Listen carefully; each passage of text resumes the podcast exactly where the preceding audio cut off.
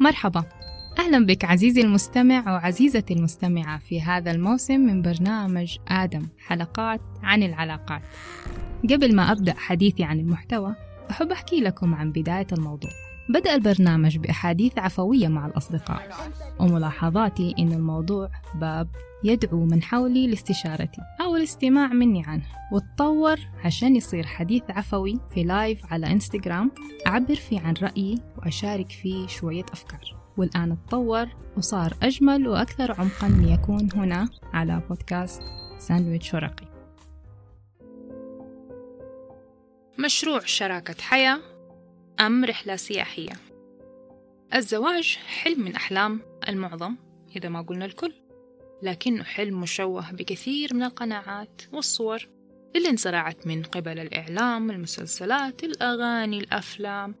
إضافة للقصص الناس اللي شفناها حولنا وشوهت صورة هذا المشروع.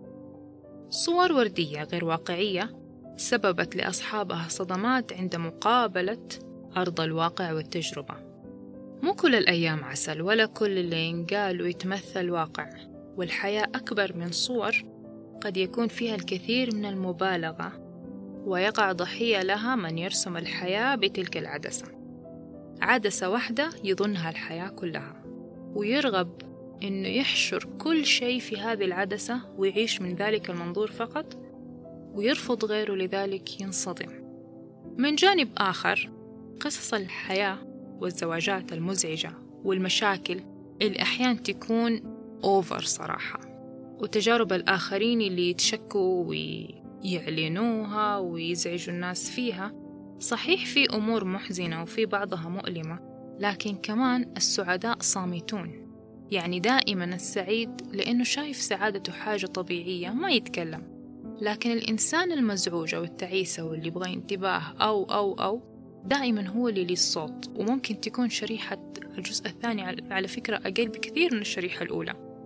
لذلك نحتاج ننتبه للي نسمعه لأنه ليس كل ما يسمع صحيح.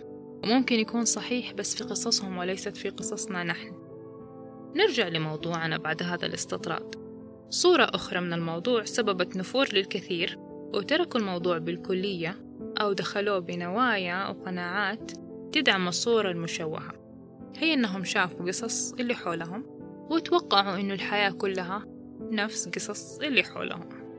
فعاشوها وممكن ورطوا نفسهم فيها لأنها قناعاتهم فنحن نرى ما نعتقده ونعيش ما نؤمن فيه. من كتاب الحقيقة أغرب من الخيال اقتبست لكم المعلومة التالية. في اليونان القديمة كانت النساء يحسبن أعمارهن منذ تاريخ زواجهن. لا حسب تاريخ الولادة. كن يعنين بهذا أن حياة المرأة الحقيقية تبدأ من الزواج لا قبله.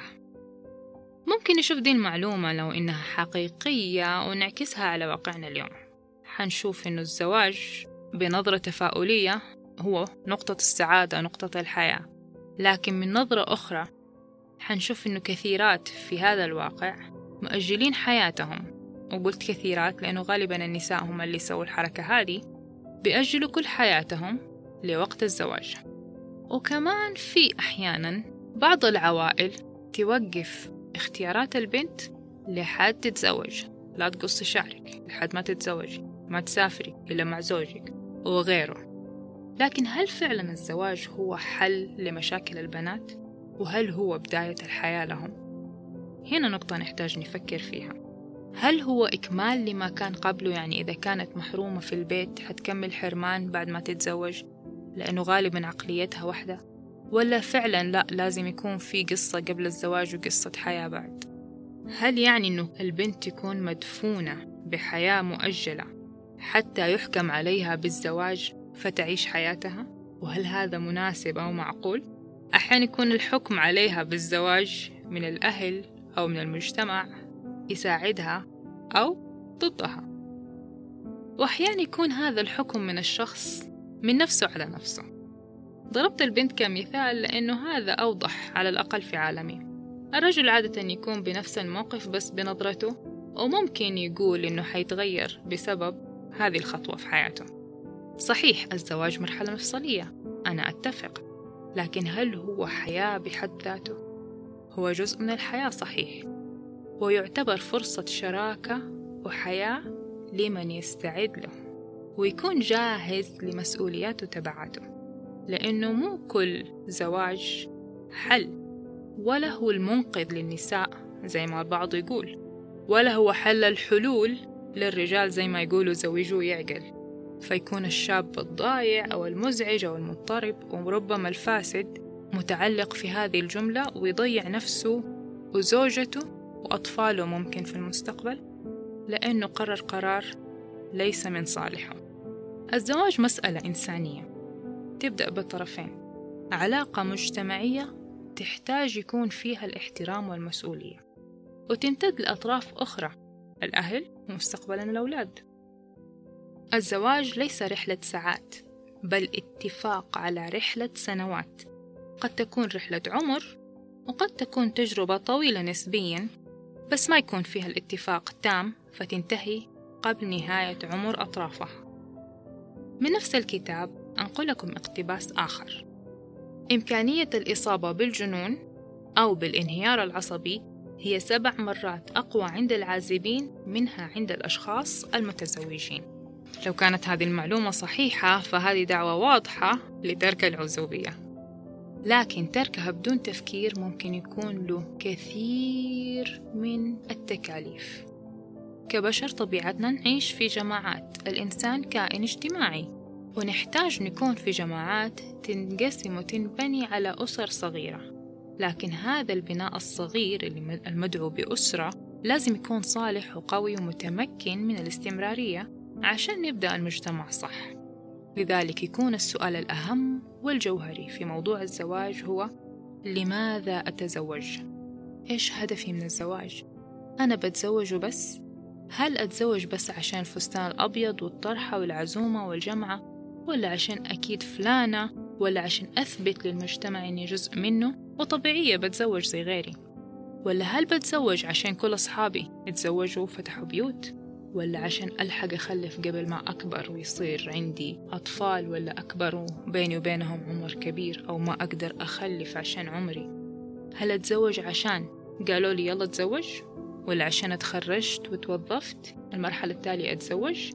كأنه قائمة الحياة check list check check check أتزوجت يلا. تقاعد يلا. أموت يلا. الزواج تجربة وتجربة حياة لها مقومات وتتبعها مسؤوليات ونتائج ضروري اللي يدخلها يكون واعي فيها عشان يستعد لها ويكون جاهز لمراحلها. النساء عادة عندهم استعدادات قبل الزواج. إيش يحب الزوج؟ إيش ألبس؟ استعدادات جسدية وأشياء أخرى.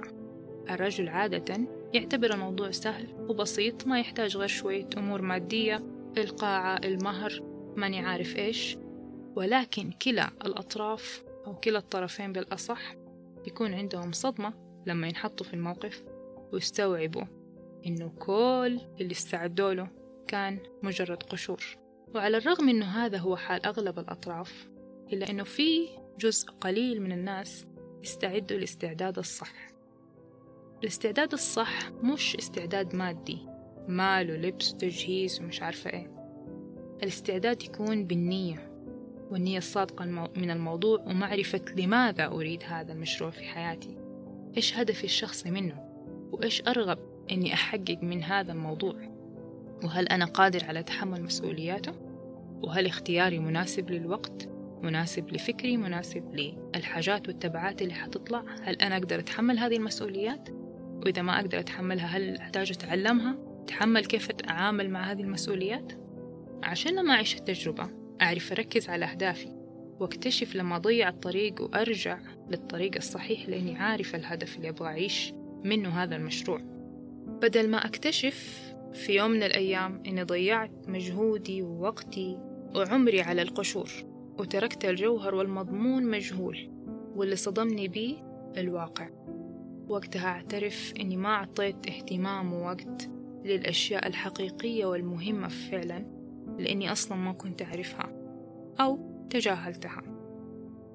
رسالة الحلقة اعرف لماذا تريد الزواج. لو كنت خطط له وهل الشريك في المشروع يتفق معك على الأهداف والطموح؟ وهل أنتما دعم لبعضكما؟ ولو كنت متزوج فهي فكرة جميلة أنك ترجع لأهدافك وترجع تركز عليها وتعرفها إذا كنت مو عارفها وتتفق عليها مع زوجتك أو مع زوجك. اتفاقكم على أهداف العلاقة اللي بتعيشوها سوا حيكون سبب للنجاح والتطور والسعادة بينكما في النهاية أرجع أقول اتذكر عزيزي الرجل إحنا مو جايين ننافس ولا نصارع إحنا جايين نوقف جنبك في رحلة الحياة. كونوا بخير. مرحبا. أهلا بك عزيزي المستمع وعزيزتي المستمعة في هذا الموسم من برنامج آدم حلقات عن العلاقات. قبل ما أبدأ حديثي عن المحتوى أحب أحكي لكم عن بداية الموضوع. بدأ البرنامج بأحاديث عفوية مع الأصدقاء. وملاحظاتي إن الموضوع باب يدعو من حولي لاستشارتي أو الاستماع مني عنه. وتطور عشان يصير حديث عفوي في لايف على إنستغرام. أعبر فيه عن رأيي وأشارك فيه شوية أفكار. والآن تطور وصار أجمل وأكثر عمقا ليكون هنا على بودكاست ساندويتش ورقي.